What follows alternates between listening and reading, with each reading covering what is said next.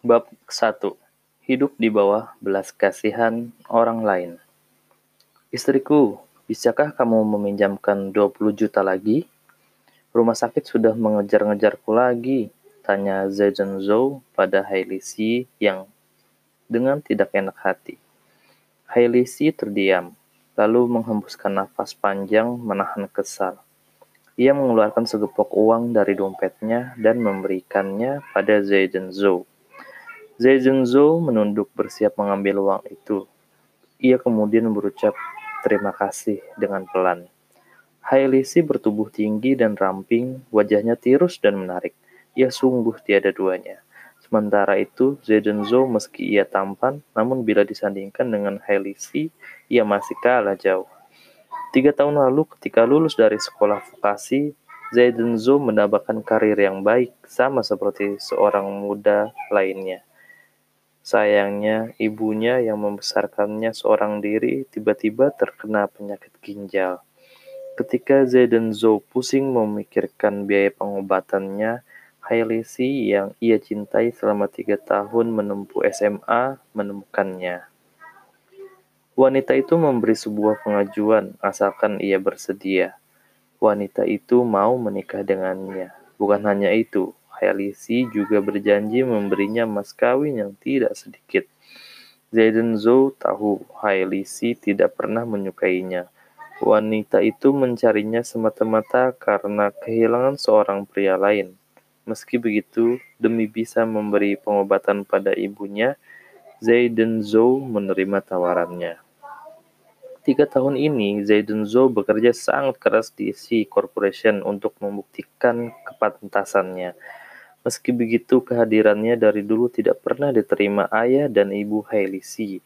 Ia bahkan sering disindir mereka. Sementara itu, meski Hailey Si tidak begitu sering menyindir dan meledeknya, namun selama tiga tahun pernikahan, mereka wanita itu tidak pernah mengizinkannya menyentuhnya sedikit pun. Tepat ketika Zedenzo akan mengambil uang dari Hailey Si itu, ibu Hailey Si masuk. Melihat pemandangan ini, wanita itu langsung emosi dan berkata keras. Hai Lisi, kamu mengapa lagi-lagi memberi uang pada sampah ini?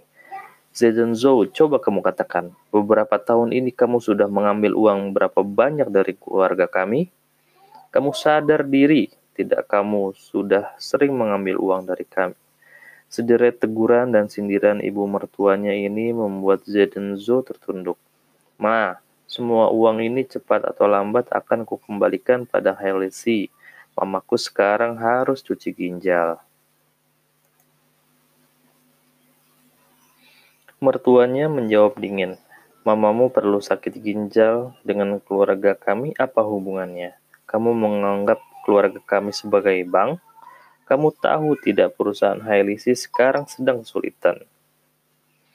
Wanita parubaya itu pun menegur Hailisi Pokoknya uang ini jangan diberikan pada dia.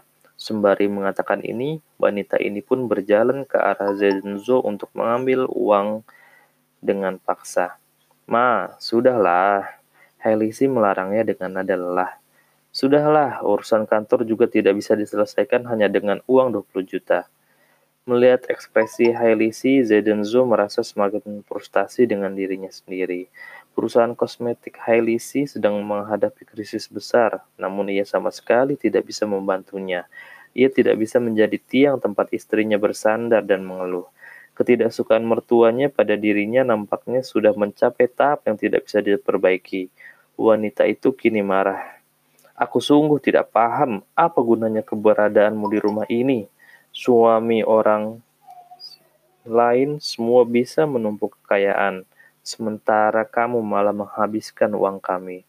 Kamu sungguh sampah yang paling buruk di antara sampah-sampah lain. Ini baru lewat jam 12 siang, pintu tiba-tiba diketuk seseorang. Zedunzo mengernyitkan alis, ia terlihat kusar. Sementara itu, Helisi membuka pintu dengan wajah tidak berdaya dan malas. Nonasi, ini bunga hari ini, tolong terima. Ternyata yang mengetuk barusan adalah seorang kulir kurir barang, tangannya memegang sebaket besar mawar merah. Bunga-bunga itu terlihat sangat memanjakan mata. Melihat pemandangan itu, Zenzo mengepalkan kedua tangannya erat-erat. Ia sungguh geram.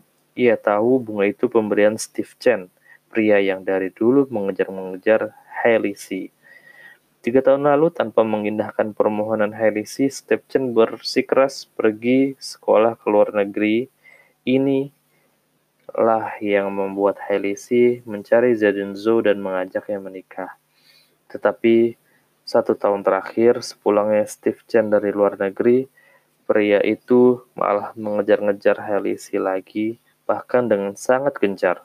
Dibandingkan Shou berasal dari keluarga miskin, Steve Chen berasal dari keluarga terhormat yang cukup disegani beberapa tahun terakhir.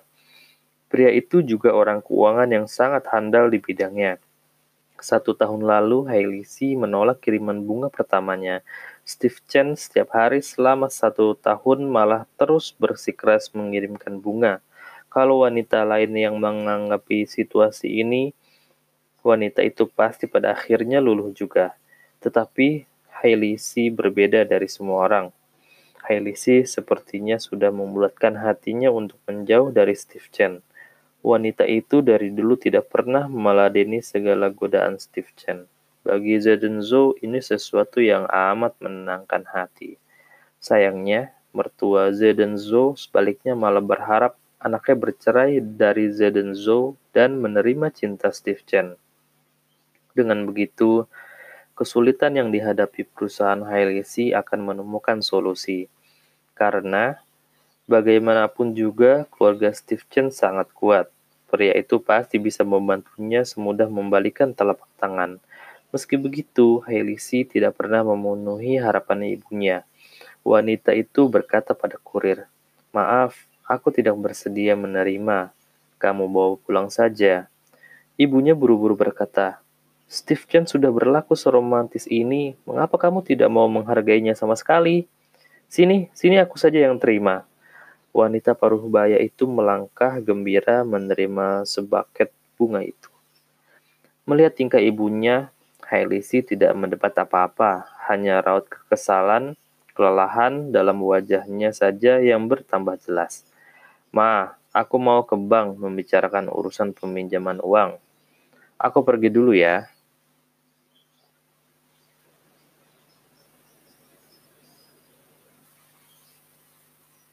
Bersambung ke bab 2.